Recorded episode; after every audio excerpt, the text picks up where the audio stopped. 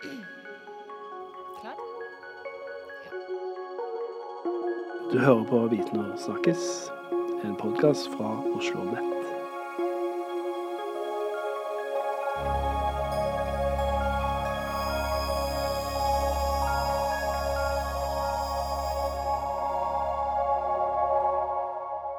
Hei og velkommen til en ny episode av podkasten Viten og snakkes. Jeg heter Jeff Lugau og er programleder for dagens samtale. Og med meg i studio i dag så har jeg Knut Aukland. Velkommen, Knut. Takk. Eh, Knut, du jobber eh, som førsteamanuensis på Fakultetet for lærerutdanning og internasjonale studier. Hva mer eh, kan du fortelle oss om din bakgrunn og eh, ja, din arbeidshverdag? Ja, min bakgrunn er jo som religionsforsker med særlig fokus på India og indisk språk og kultur og historie. Men så har jeg da de siste fem-seks årene jobbet med lærerutdanning, så nå jobber jeg som lærerutdanner da mot RLE, som vi kaller det på campus, men det handler om KRLE-faget i skolen, og forsker da på religionsdidaktikk. Du er her med oss i dag for å snakke om et, eh, et tema som du selv uh, hevder kan være litt vel smalt, men som har vært eh, en del i mediene den siste tida. Og det er nemlig KRLE-faget og dess framtid. Hva står KRLE for? Ja, det er en forkortelse for kristendom, religion, livssyn og etikk, og så er det et skolefag som eh, vi har i den norske skolen, offentlig skolen, som eh, typisk så har man det én time i uka, har man da KRLE, eh, og det har man i ti år, fra første klasse til tiende klasse. Ja, såpass. Hva rommer det faget? Altså, hva lærer man eh, på KRLE-timene? Ja, det ligger jo litt i det i forkortelsene, da, men man skal få kunnskap om religioner. Og kristendom da er særlig nevnt, men det skal også ta for seg andre religioner. Og så skal det handle om livssyn, altså eh, livsanskuelser som ikke nødvendigvis er religiøse. Humanisme snakker vi særlig om. Eh, Ideologier kan også være aktuelle å komme inn på, og så er det filosofi og etikkbiten som man skal lære om, da. Og i tillegg til det, man skal liksom lære om alle disse tingene, men man skal også jobbe med holdninger og verdier, og undersøke hvordan man, hvor, hva tenker jeg om andre, hva synes jeg om ting, og, og finne ut av hva man egentlig mener og står for. Så med andre ord uh, tror jeg vi trygt kan si at dette, dette faget rommer ganske mye forskjellig. Ja, Um, uh, slik jeg forstår det, så har heller ikke KRLE-faget vært uh, statisk. Altså, det har vært ganske mange endringer og justeringer i, i hva det faget inneholder. Eh, eh, med fare for å eh, få et veldig eh, komplisert og deta detaljert svar tilbake fra deg, kan du, kan du oppsummere for oss eh, hvordan eh, faget har utvikla seg siste, de siste årene? Ja, altså det, store bildet er jo at i Norge eh, så bestemte vi oss for da i 1997 at vi skal ha et felles religions- og etikkfag, kan vi si. Så det betyr da at eh, i 1997 så, så, så bestemte vi oss for at ok, uansett hva slags bakgrunn elevene har, om de er muslimer, om de er kristne, ateister, kommunister, de skal komme sammen i ett klasserom, og så skal de utforske sammen temaer som religion, eh, livssyn og etikk og filosofi.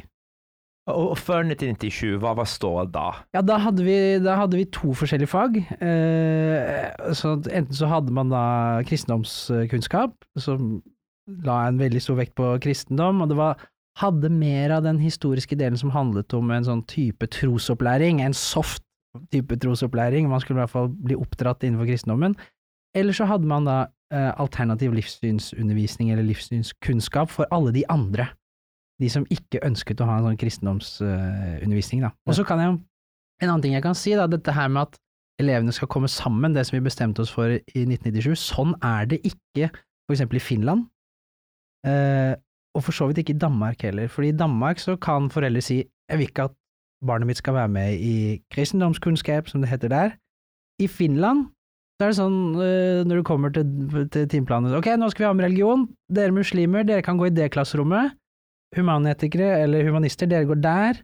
Eh, protestanter går der. Da skiller de eh, elevene basert på religion og livssyn. Men i Norge gjør vi ikke det. Så vi har da en integrert religionsundervisning. Så det er, og det er egentlig ganske unikt, fordi I USA for eksempel, eh, Frankrike, India, så har du ikke et religionsfag. Det kan jeg bekrefte som eh, oppvokst og gått på skole i USA. Men Mm. det, og det finnes også noen gode grunner til, da, kanskje vi skal komme inn på det, men det, så det er litt unikt eh, og, og spennende eksperiment i Norge, da. Alle skal komme sammen, vi skal ha om religion, livssyn og etikk, uavhengig av bakgrunn. Mm. Um, hvor, kontroversi hvor kontroversielt var eh, denne endringen da den ble innført i 2007?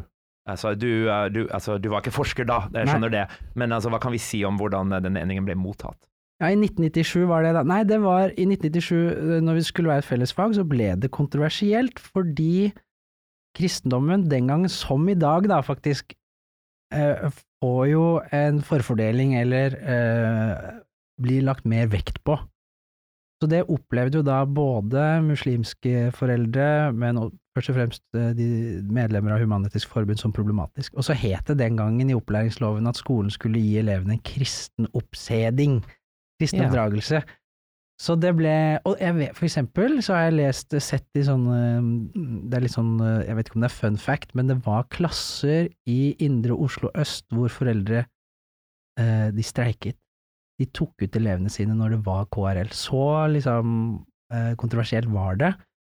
Og jeg tror foreldre da som hadde minoritetsbakgrunn fryktet at dette var jo et misjonerende prosjekt på en eller annen måte, i og med at det het KRL, det hadde liksom kristendom først i navnet, da. Um, før vi snakker om innholdet i KRLE-faget i dag, så tenkte jeg du, du, du kunne trekke fram noen av de kanskje eh, viktigste både stridtemaene eh, med, eh, fra det, det faget ble innført i 2007, Mm. og, og, og hvilke politiske bakteppe eh, som eh, forklarer eh, disse, disse stridene og debattene rundt faget. Altså, hvorvidt er, har politikken spilt inn i, i innholdet i, i, i dette skolefaget? Det, jeg sitter mange spørsmål på en Jo, gang nå, men, um, Jeg- jeg men du kan kan- svare fritt på de du syns er mest relevant å svare Ja. på.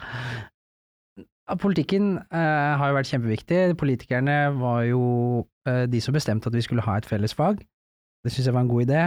De hadde en utredning, identitet og dialog, som er litt rar å lese på nå. Uh, men de, det var jo da en gruppe som skulle utrede liksom, hvordan kunne vi lage et sånt felles fag som ikke bryter med menneskerettighetene, trosfrihet, retten til utdanning, som ikke bryter med overbevisningen til foreldre og sånn. Og, ehm, og da lagde de en rapport, eller en utredning, som de kalte for identitet og dialog. Og det er egentlig to impulser som har ligget i det faget hele tiden. Dialog, det tror jeg er det som de fleste av oss som jobber med faget, om vi er lærerutdannere eller studenter, eller ikke minst lærere, vi tenker at dette faget er et dialogfag, at vi skal lære å bli kjent med hverandre på tvers av ulike bakgrunner, leve sammen og være nysgjerrig på hverandre Mm. og ha toleranse og respekt. Men så er det den andre impulsen som ligger der helt fra børjan av, som er identitet. Mm. At vi skal ha noe felles, et verdigrunnlag, og det, der kommer vi fort inn på mer sånn nasjonalt prosjekt, norske verdier, og da kommer den formuleringen med kristne og humanistiske verdier som skal ligge til grunn for all undervisning, heter det jo. Og det kommer det til å fortsette å hete, og i Grunnloven står det mye om eh, kristne og humanistiske verdier også. Så det er liksom den andre impulsen, og der blir jo majoritetstradisjonen og spenningen mellom majoritet og minoritet veldig tydelig, da. Mm. Fordi kristne humanistiske verdier, det er jo hva med alle de andre verdiene, Mm.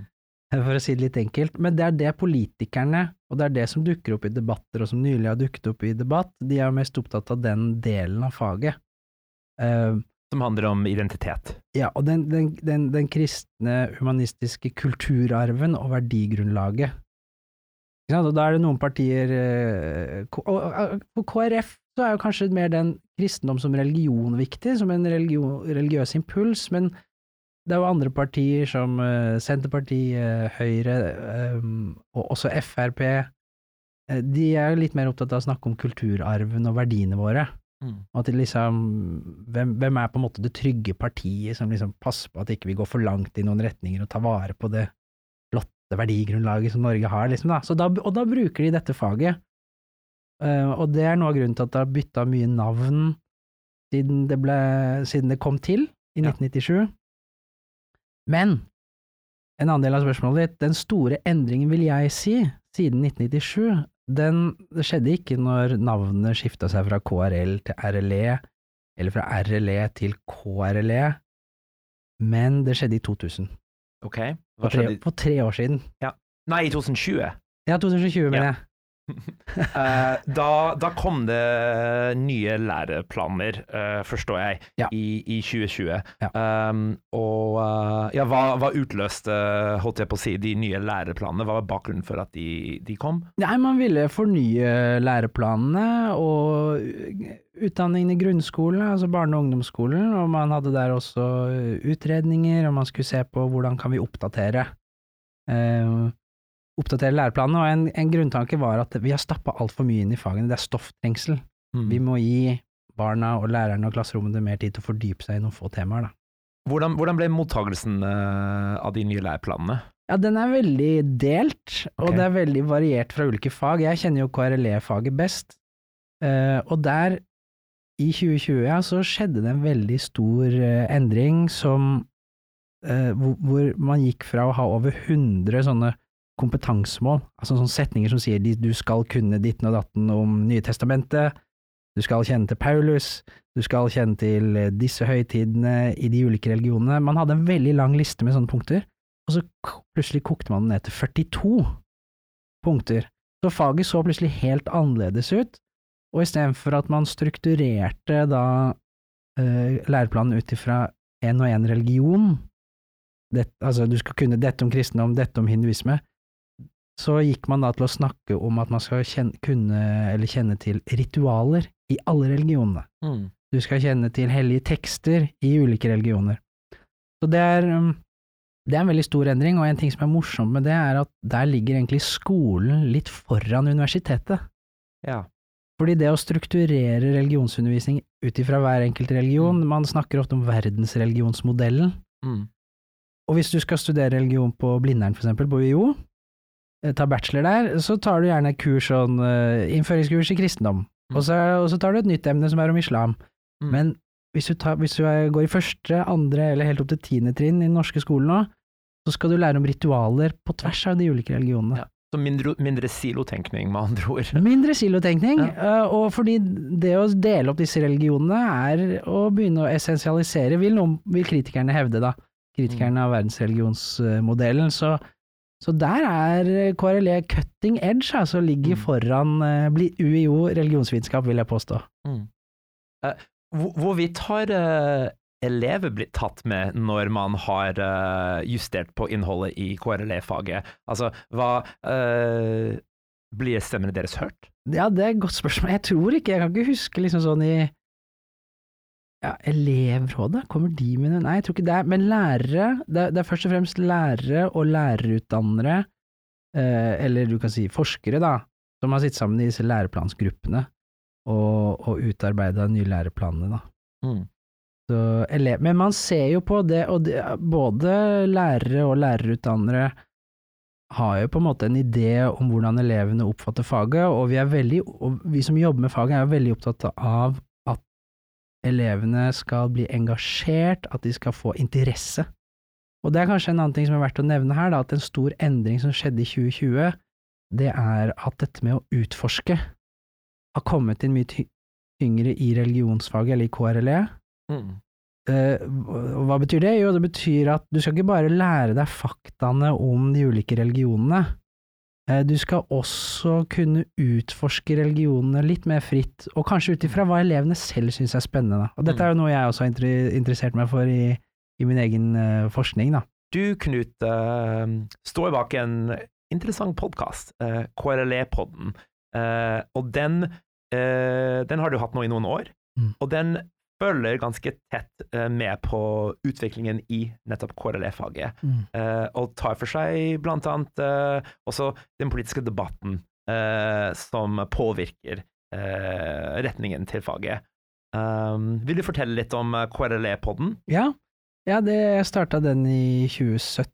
Da jobba jeg på USN, men så kom jeg over til Oslo Met og tatt med hit. Så det er jo en podkast for de av oss som er- jobber med KRLE-faget og religion-etikk-faget da, som det heter i videregående. Der er det jo et, valg- eller et fag der òg. Um, Og der, vet du, jeg, har, jeg har også tatt med et lite lydklipp, for vi har en sånn intro som vi bruker der eh, med Kan jeg spille det? Ja, men gjør det. Ja, for Ja. Der, der, er, der hører man blant annet eh, politikere som driver og snakker om disse endringene som har skjedd litt eh, underveis. Skal vi se om jeg Der er vi nede.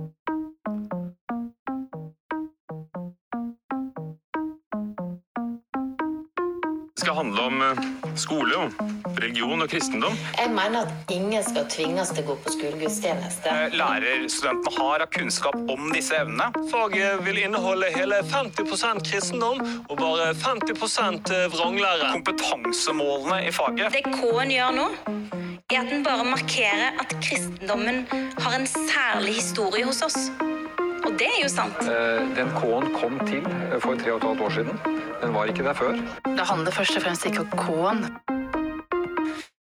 Eh, RLE-faget har jo en litt brokete historie. Ja. Der har du på en måte introduksjonen. Der hører du jo en rekke Jeg vet ikke om du kjente igjen noen av de politikerne der? Oh yes. Oh yes. Men eh, det som jo kanskje den podkasten som jeg, men nå også sammen med Vi har flere kollegaer som er, som er med og bidrar der, det er at de diskusjonene som politikerne har, det er jo på en måte det som offentlige Norge får med seg. Men vi som jobber med det, vi er jo opptatt av veldig mange andre temaer. Vi er opptatt av hvordan kan vi få til et religions- og livssynsfag, hvordan skal vi legge opp undervisningen som gjør at man lærer om, og man, man lærer om ulike religiøse tradisjoner, filosofiske tradisjoner, og man lærer å se verden gjennom ulike perspektiver. Man jobber med fordommer, forforståelser som man har, sånn at vi kan leve eh, sammen på tvers av ulike bakgrunner. Det er jo det egentlig som vi liksom er mest opptatt av, hvordan får vi til det, og hvordan kan vi gjøre det på en måte som gjør at ikke vi fremmer et særlig syn på religion, for eksempel at religion er noe flott og fantastisk, at det bare er det, at vi gir en veldig harmoniserende framstilling av religion, eller motsatt, at vi har en veldig sånn religionskritisk tilnærming, og at eh, religion bidrar til undertrykkelse, krig og forferdelige ting. Religion bidrar til begge deler. Eh, den har både lyse sider og skyggesider, og det er jo liksom det vi prøver å få fram i, i, faget, å kunne åpne opp for ulike måter å tilnærme oss disse temaene på, da. Og da blir elevene kjent med hverandre, og jeg tror jo også at eh, de blir kjent med seg selv og hva det vil si å være menneske, fordi alle menneskelige kulturer som har eksistert, har hatt religion, etikk og filosofi. Mm. Så, så det å lære om disse tingene, det er egentlig å lære om uh, hva vil det si å være menneske. Det, og det var ikke, det var ikke små, små potatoes. Nei, Um, men dette, men dette lager ikke noen overskrifter, ikke sant. Det er det, det å jobbe med disse tingene lager ikke overskrifter, men dette med skal vi ha K-en der eller ikke, Ja. hvor mye kristendom skal det være, så um, vil, du, vil, vil du si at uh, alle debattene som har vært rundt uh, nettopp den K-en, om den skal være der eller ikke, har tatt for mye plass? Og har, skyg, har skygget for viktigere ting? Ja, det, jeg, jeg syns jo det. Um, jeg tror nok at spørsmål om ekstremisme, uh, konspirasjonsteorier, etikk, hvordan skal vi håndtere miljøkrisen, dette er spørsmål som vi jobber med i Vi som jobber med KRLE, er opptatt av de tingene. Så vi bør også kunne snakke om fagene vi snakker om de tingene. På den andre siden så er det jo noe sånn demokratisk i at det er folkevalgte som sitter og diskuterer faget vårt, og jeg vet at det har eh, Inge Andersland for eksempel, en god kollega som, som jo også ser det på som et gode at politikerne faktisk tar faget på alvor og diskuterer det, da. Så det, det har ulike sider ved seg, men faget handler om mer, og det er jo noe av det vi har prøvd å få fram med KRLE-podden. Blant annet så hadde vi et sånt formidlingsprosjekt hvor et av målene var å se kan vi nå ut til på en måte et større publikum utenfor oss som liksom bryr oss om dette faget, med å vise hva slags ting vi er opptatt av, og da bestemte vi oss for å lage en liste over hva er liksom de ti største uløste problemene til KRLE-faget. Ja, eh, og ehm, jeg har den lista foran meg eh, Ja. på et fint uh, farga lite ark. Eh, den kan vi se om vi får delt i episodebeskrivelsen, Ja. uh, så flere kan se. Men uh, av de ti, da, er det, er det et par du har lyst til å trekke fram? Um, og, og, og, og si oss også gjerne om dette er en uh, topp ti-liste som du har utarbeida, eller om det er flere som har vært med på å utarbeide den. Ja, det var, var jeg som hadde ideen, yeah. den opprinnelige ideen, men vi var da, vi som er i redaksjonen, eller var den gangen i redaksjonen i KRLE-podden, som, som brukte noe som heter Delphi-metode, hvor vi jobbet sammen i en, i en sånn Delphi-metodeprosess for å komme fram til hva vi mente var de ti største Eh, Så vi begynte med, jeg tror vi var oppe i nesten 50, og så kokte vi det ned da gjennom en sånn anonym review-prosess. Men eh, ja, altså det første, det problemet som det var størst enighet om, var da problem én, etikken og filosofien. Hvilken plass bør etikken og filosofien ha i fagene, altså både KRLE og religion og etikk? Og det er blitt løftet fram fordi vi snakker jo ofte om religionsfaget, jeg sier også det, men Ja. det skal jo også handle om filosofi og etikk. Mm. Eh, og de fleste av oss som jobber med og har diskutert dette faget, vi har studert religion, kommer fra teologi og religionsvitenskap, vi savner på en måte filosofene. Skal filosofien stå på egne ben? Jeg mener jo at den bør det, og at når vi har om etikk, så skal vi ikke ha om kun om etikk innenfor religionene. Så der er det et sånn eh, et uløst problem. Som jeg sa, så eh, får vi lagt inn eh, denne topp ti-lista for lytterne våre. Mm. Men er det, er, det, er det en til på denne lista med ti som du har lyst til å si noe om? Ja, jeg liker, jeg liker veldig godt uh, nummer tre, den sekulære faktoren. Altså, hva med alle de barna og ungene, og også foreldrene deres, da, som ikke ser på religion som noe viktig i sitt eget liv? Den gruppa har vi nok ikke tenkt nok på, for det er jo mange ikke-religiøse elever i KRLE-undervisningen. Og noen av de oppfatter kanskje at dette faget liksom skal bare handle om de som er religiøse, eller som har en religiøs identitet. Det skal det ikke. Eh, Det, skal favne oss alle, og religion og livssyn er noe som omfatter alle borgere i et samfunn. Så selv om du ikke er kristen eller muslim, så eh, har du med kristne og muslimer å gjøre. Du møter dem i samfunnet, du møter dem gjennom media, gjennom nyheter. Så, men vi må tenke nok litt mer gjennom, jeg tror forskningen og didaktikken og undervisningen har litt til gode til å tenke, ta den gruppen litt alvorlig, da. Um, og jeg liker jo veldig godt, det var en sånn studie fra 90-tallet som så på elevbøker fra lærere, nei, fra, eh, fra elever gjennom et år samlet inn, og det var en elev der som het Thor, og han hadde skrevet bak på boka si KRL suger, K-en suger, og han var veldig religionskritisk. Mitt poeng er jo bare at Thor og disse elevene som er kritiske til religion, de, må vi, de skal vi favne inn, og de skal vi også jobbe aktivt med. Um, ja. Det er veldig kult at du med, med flere her på Oslo Met og, og kolleger eh, ved andre institusjoner løfter nettopp disse ja, prinsipielle og uh, overordna spørsmål uh, knytta til dette faget. Og når jeg hører deg beskrive hva det, hva det KRLE-faget faktisk rommer, Mm. så skjønner jeg at det rommer så å si alt. Uh, og det er, veldig, det er veldig spennende. Og med det i bakhodet, så har jeg lyst til å spørre deg om uh, et, uh, et spørsmål jeg vet du eh, har som en av dine forskningsinteresser. Eh, og, og, og det er det eh, lære hvordan. Mm. Um, det høres veldig vagt og intetsigende ut. Uh, fortell hva det, hva det vil si, og hvordan, uh, hvilken um, uh, betydning det har for, for faget. Ja, dette er jo Vi har to sånne formuleringer som er mye brukt i religionsdidaktikken, altså hvordan undervise om religion, og det er forskjellen mellom å lære om og lære av religion. Lære om religion, det skjønner jo alle hva er. Lære av religion handler mer om den danningen, altså du skal få kunnskap om religion, ok, men hva skal det gjøre med deg som person? Skal du utvikle holdningene dine? Skal du få en slags eksistensiell modning? Uh, der er forskere veldig uenige, men jeg, jeg har prøvd, prøvd å legge til deg en tredje formulering, nemlig at vi bør også tenke på at elevene uh, og undervisningen kan legge opp til at elevene lærer hvordan man kan utforske religion. Altså hva, legger, hva, hva legger man i det? Ikke bare få kunnskap om religionene, men kan vi gi elevene redskaper til selv å utforske religion? La oss ta et eksempel, hijab for eksempel, mye diskutert. Ok, du kan ha undervisning hvor du sier på en måte hva er hijab, hva står det i Koran, hva vet vi om at, hva ulike muslimer sier om hijab osv., men lære hvordan, tankegangen der er jo kan vi gi elevene, hva slags verktøy trenger de for å utforske det? Jo, da må du vite at det finnes ulike metoder du kan bruke.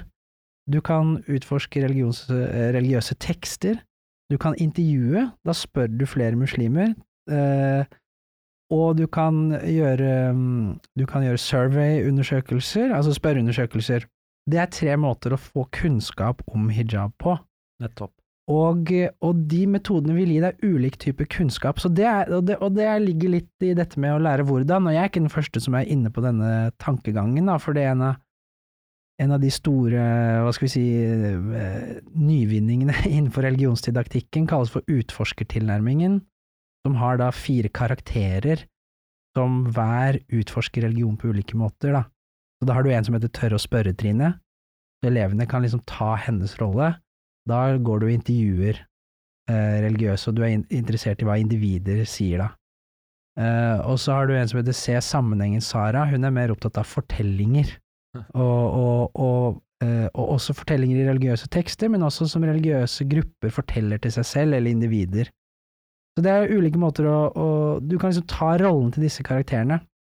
Så, så det å lære hvordan Min tanke er jo at uh, hva hvis vi setter det som et mål for uh, religionsundervisningen, at vi skal Kan vi gi elevene verktøy til selv å finne informasjon, og samtidig da inspirere elevene til en livslang interesse eller nysgjerrighet for å lære mer om religion. Det kan være fra et spirituelt eller åndelig ståsted, eller et helt ateistisk ståsted. Men vi gir de verktøyene, og så kan man bruke det også utafor klasserommet. Jeg vil tro at en sånn tilnærming gir mer læringsglede enn en de mer tradisjonelle tilnærmingene til eh, ja, hva man skal lære på en undervisningstime. Ja, hvis man eh, gjør det riktig, så kanskje. Mm. Eh, et annet verktøy som du, som du bruker eh, i undervisning, og som du også forsker på, det er, eh, det, det er VR i undervisning. Mm. Hvordan bruker man VR i undervisning av religion og etikk og livssyn? Jeg leder en liten gruppe, Romforsk heter det prosjektet, hvor vi ser på Ja, vi stilte nettopp det spørsmålet. VR-teknologi. Hvordan kan vi bruke det? Kan vi bruke det til å undervise om religion og etikk?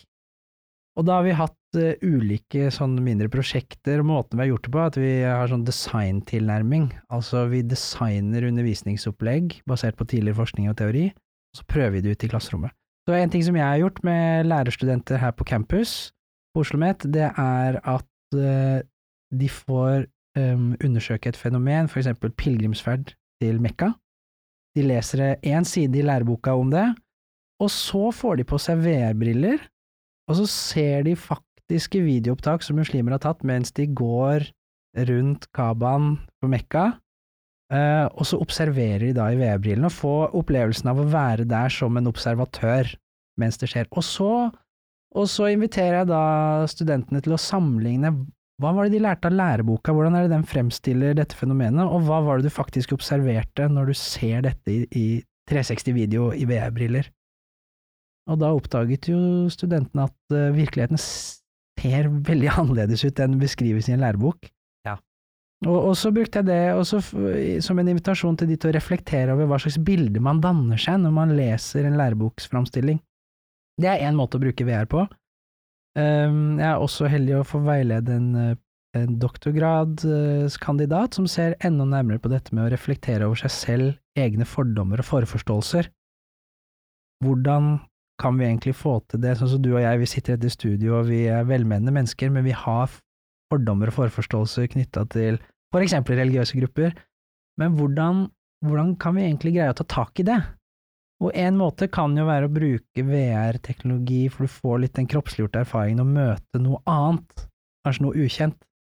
Eh, Så det er et prosjekt, og så har vi hatt en student som undersøkte dette med etikk, at eh, du kan bruke VR-briller til å bli plassert i en mobbesituasjon. Du blir utsatt for mobbing. Så kommer du ut av å ha sett en sånn video, og så bruker du det som et utgangspunkt for å reflektere etisk rundt mobbing, da basert på de kroppslige erfaringer. Så det er noen av de tingene vi gjør. Ja, det er utrolig spennende, og uh, skal absolutt følge med på det dere utvikler og tester ut og ja, kommer fram til Ja. med bruken av VR i eh, undervisning. Du kan, du kan få prøve selv, da. Vi kan putte og, brillene på det. Eh, om jeg tør. Vi, uh, vi går uh, mot slutten av denne samtalen. Um, og og da, da hadde jeg lyst til å spørre deg om framtida til KRLE-faget. Um, det- regjeringen kom nylig med um, Var det et forslag til en ny opplæringslov? Ja. ja. Og, og den, um, og det forslaget inneholder um, ja, Det er noen antydninger til endringer i det faget, eller posisjonen til det faget i skolen. Mm. Um, hva kan du si om det, og hva, eh, hvilke konsekvenser kan det få for uh, KrLF-faget uh, framover? Ja, Vårt Land har greid å lage et par saker om uh, at KrLF-faget nå uh, blir svekket når det kommer en ny opplæringslov. Uh, og hvorfor kan det bli det? Jo, fordi i den nåværende opplæringsloven så, er det, så har KRLE en egen paragraf, det eneste faget. Og grunnen til det er jo at uh, KRLE er jo egentlig et, ekskriminelt fag, fordi det ble dømt i Menneskerettighetsdomstolen i Strasbourg, så det, er, det ble dømt den norske staten brøt eh, menneskerettighetene med det faget. Ja, ø, ø, på hvilken måte? Det, det, de, de konkluderte med at det brøt med retten til utdanning, fordi at det var så stor vekt på kristendommen, og at, opp- og at eh, skolen skulle legge til rette for eh, kristen oppdragelse. Og så var det delvis fritak fra noe av Men det var ikke nok for å veie opp da for at dette brøt med retten til utdanning, som ikke bryter med foreldrenes livssynsoverbevisning. Ja. Så det ble dømt. Norge måtte gjøre endringer med faget, samtidig som politikerne drev og endra på forbokstaver og hva faget skulle hete og hvor mye kristendom. Um, men, eh, og da ble det da sånn at man måtte ha en egen paragraf da i opplæringsloven som sier at KRLE skal være et ordinært skolefag, står det eksplisitt, men i den nye opplæringsloven så skal de ta ut og si noe om konkrete fag. Så da kommer det ikke til å stå noe om at skolen har et KRLE-fag hvor det må være sånn og sånn. Det kommer til å stå, høyst sannsynlig, de har ikke landa det endelig, da, men det ser sånn ut, eh, at opplæringen i disse temaene, de må for eksempel ikke være forkynnende. Så den nye opplæringsloven kommer ikke til å nevne dette faget som et eget fag, men som en tematikk. Og det gjør det da, kan du si, enklere å endre på hvilke fag vi har i skolen. Det gjelder for så vidt alle fagene. Mm. Så, og det er jo noen som har prøvd å trekke i den retningen at ikke vi skal ha de fagene sånn som vi har nå, det bør være mer tverrfaglige temaer. Mm. Um, Hva er din spådom i forhold til hvor dette lander, da? Eh, ja, jeg har ikke noe inntrykk av at uh, faget er truet på kort sikt. Jeg tror at uh, veldig mange, og det er det jeg håper, da, at jo, jo flere foreldre og andre engasjerte i Norge lærer om hva vi egentlig forsøker å oppnå med dette faget, som handler mye om mangfold, undring, være nysgjerrig på hverandre. Eh, jeg tror at de aller fleste ser den eh, verdien i det. Eh, Men da, men da må vi sikre at det ikke det hele tiden blir diskusjon om hvor mye kristendom er det ekskluderende for minoriteter. Så der har kanskje jeg og mine kollegaer en viktig jobb, da. Og da har jeg lyst til å avslutte med at eh, jeg syns eh, denne samtalen, og ikke minst ditt bidrag til denne samtalen, vil langt på vei bidra til å nettopp spre mer kunnskap om hva dette faget faktisk inneholder, og komplisere det bildet mange har av KRLE-faget. Så tusen takk for ditt bidrag i dag, Knut. Takk for at jeg fikk komme. Og til deg som hører på, eh, takk for at du fulgte med på denne samtalen. Håper du lærte noe nytt eh, om KRLE-faget. Kanskje du fikk dine fordommer om det faget utfordra. Um, I episodebeskrivelsen så legger vi inn um, litt uh, lesestoff, uh, og ikke minst lenke til KRLE-podden som du hørte uh, gjesten vår eh, fortelle litt om. Takk for at du hørte på. Vi hørs.